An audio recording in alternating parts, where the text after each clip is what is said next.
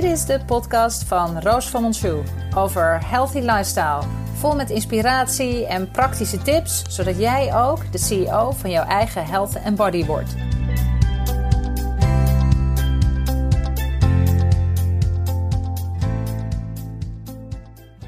Hey, hallo, hi. Onwijs leuk dat je weer luistert naar de Roos van Monsou, mijn podcast.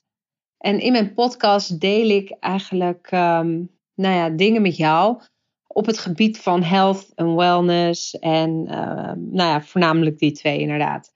Een van de belangrijkste dingen op het moment dat je iets ehm, ergens mee bezig bent, je werk of in het leven, is om voor jezelf te bedenken waarom je doet wat je doet. En soms heb je dat eigenlijk nog helemaal niet zo door. En, uh, maar je verhaal, iedereen heeft een persoonlijk verhaal. En uh, nou ja, ik wilde heel graag uh, met jou delen in deze podcast mijn persoonlijke verhaal, waarom ik doe wat ik doe. En dat is behoorlijk persoonlijk en eigenlijk persoonlijker dan dat ik dacht. Maar omdat het heel goed aangeeft waarom ik health en wellness coach ben en vooral ook waarom ik het liefst werk met ondernemers, dacht ik, ik ga het toch met je delen. Ik was vorige week was ik op een seminar van Ilko de Boer, geweldig goede business coach. En um, ik was ook op zijn seminar geweest in januari. En daar hadden we een hele mooie meditatie gehad van Dolly. En tijdens die meditatie weet ik dat ik in januari dus tot een heel mooi inzicht was gekomen. En uh, dat wist ik nog, maar ik was eigenlijk vergeten wat het was. Dus nou, nu weer seminar. Maart was het inmiddels. En uh, Ilko de Boer die had het over: oké, we gaan weer meditatie doen. Wie was er de vorige keer bij? En wie wil delen wat hij de vorige keer, wat voor zijn inzicht was. En ik wist nog dat het iets speciaals was. Dus ik stak eigenlijk heel enthousiast mijn hand op. En um, zonder te weten wat het was. En hij zei: Ja, Roos, de microfoon graag naar jou. Dus ik snel door mijn aantekeningenboek kijken. En toen las ik weer mijn aantekening van dus die meditatie in, in ehm, januari. En toen op dat moment dacht ik eigenlijk, ai, um, durf ik dit wel te delen met deze groep? Weet je, er zaten ongeveer 350 mensen in de zaal. En ik vond het echt wel heel erg spannend. En, maar ja, in een split second moet je dan beslissen ja of nee. En uh, nou ja, inmiddels had ik de microfoon in mijn handen. Ik dacht, oké, no backing off, weet je. Ik kan geen excuus meer bedenken. Ja, ik deel het gewoon. Dus um, ik vertelde over wat mijn inzicht was. En ik pakte mijn boek erbij. En ik heb het ook voor me liggen, dus ik zal het voorlezen. En, uh, en ik las dus voor ten overstaande van al die mensen. Nou ja, knikkende knieën en een kloppend hart uh, wat ik vervolgens ging lezen. En het was dit. Meditatie Dolly in de ochtend. Zo'n mooi moment. Tijdens deze meditatie gekeken met liefde naar mijn moeder. Waar ik normaal mijn pijn voelde van haar missen, had ik nu geen verdriet, maar alleen maar liefde, een soort berusting. Wetende dat ik nu op mijn eigen pad zit en mijn eigen koers vaar. En dat zij mij support. You go girl. Een soort innerlijke rust omdat ik weet dat ik op de juiste weg zit. Geen verdriet en meer de pijn van me missen, maar meer liefde. En toen ik dat deelde, zei ik ook meteen daarachteraan, ik zei dit geeft eigenlijk heel mooi het verhaal aan van waarom doe ik wat ik doe. Want ik heb uh, gezien, ik heb dus mijn moeder verloren op vrij jonge leeftijd, ze was 55. En zij was zo'n onderneemster die nou ja, goed voor de klanten zorgde, voor ons zorgde als gezin.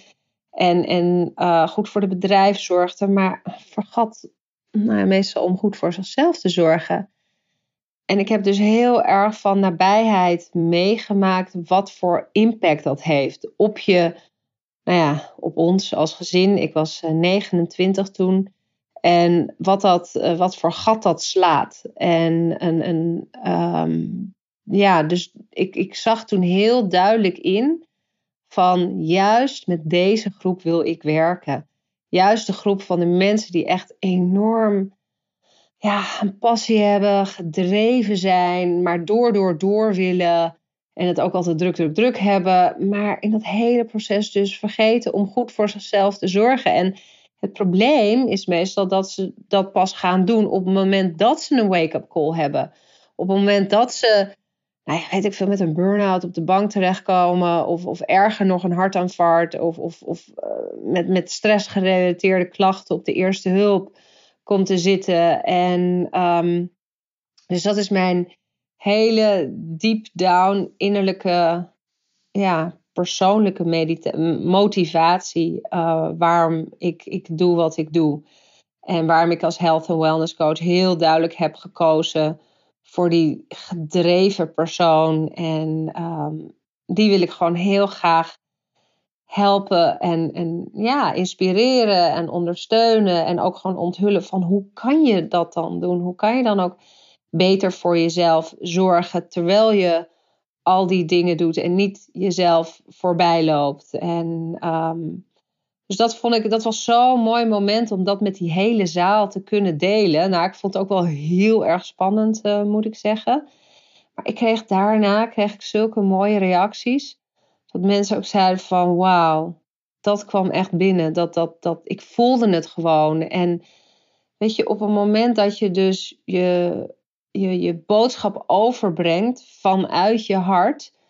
En dan, dan komt het ook gewoon aan. Dan, dan voelen mensen dat en die, die weten gewoon dat dat authentiek is. En ik denk dat in, in deze tijd van zoveel, ja, weet je, uiterlijke schijn en niet-authenticiteit, wat je op social media tegenkomt, dat je kan overal een filter overheen zitten. En, en je kan er zo gaan staan of zo gaan jezelf zo positioneren van je meest gunstigste kant. En uh, een van mijn kernwaarden zijn authenticiteit en puurheid. En voor mij is het heel belangrijk om daarin gewoon heel echt te zijn. En op het moment dat je dus ook deze echte missie hebt, ja, weet je, dan, dan komen er mooie, allemaal zoveel mooie dingen op je pad.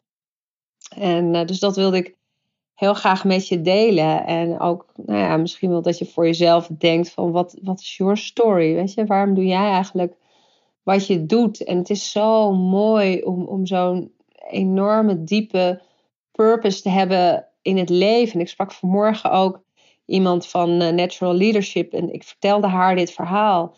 En ik zei, als, als klein meisje Weet je, wat deed ik het liefst? Ik was altijd het liefst bezig in de tuin. Om, uh, ik woonde aan een heel mooi groot bos. Ik ging het liefst met, een, met, met een bakje en een, en een mesje ging ik het bos in. Ik ging altijd hekjes spelen.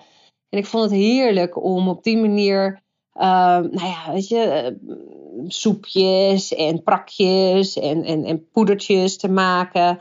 En op die manier dus met, met en ik was altijd nou, mijn broertje, met teddybeer of de elfjes om me heen. En op die manier wilde ik met dingen uit de natuur mensen helen, mensen beter maken. En het grappige is dus dat dat wat, wat jouw passie deep down in jou zit, dat zit er altijd al in. En ja, weet ik veel, ik ben rechten gaan studeren. Waarom? Omdat mijn vader dat een behoorlijke uh, goede studie vond. En je bent 19, je laat je beïnvloeden. Natuurlijk laat je beïnvloeden. En ik was totaal kwijt wat ik wilde. Ja, ik wilde eigenlijk kinderarts worden en werken bij Artsen zonder Grenzen. Maar ik was zo niet goed in natuur- en scheikunde. Dus ja, nou ja, dan maar rechten. En uiteindelijk ben ik dus nu weer gewoon teruggekomen bij dat wat ik ten eerste altijd al in me zat. En nu heb ik zo'n enorme motivatie om te doen wat ik doe.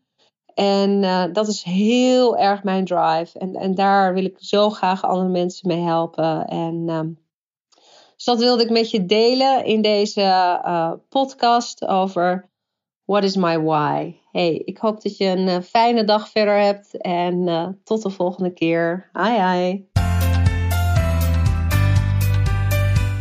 Hey, superleuk dat je luisterde. Ik had nog even een vraagje. Je zou me echt onwijs helpen als je een recensie zou willen achterlaten op iTunes.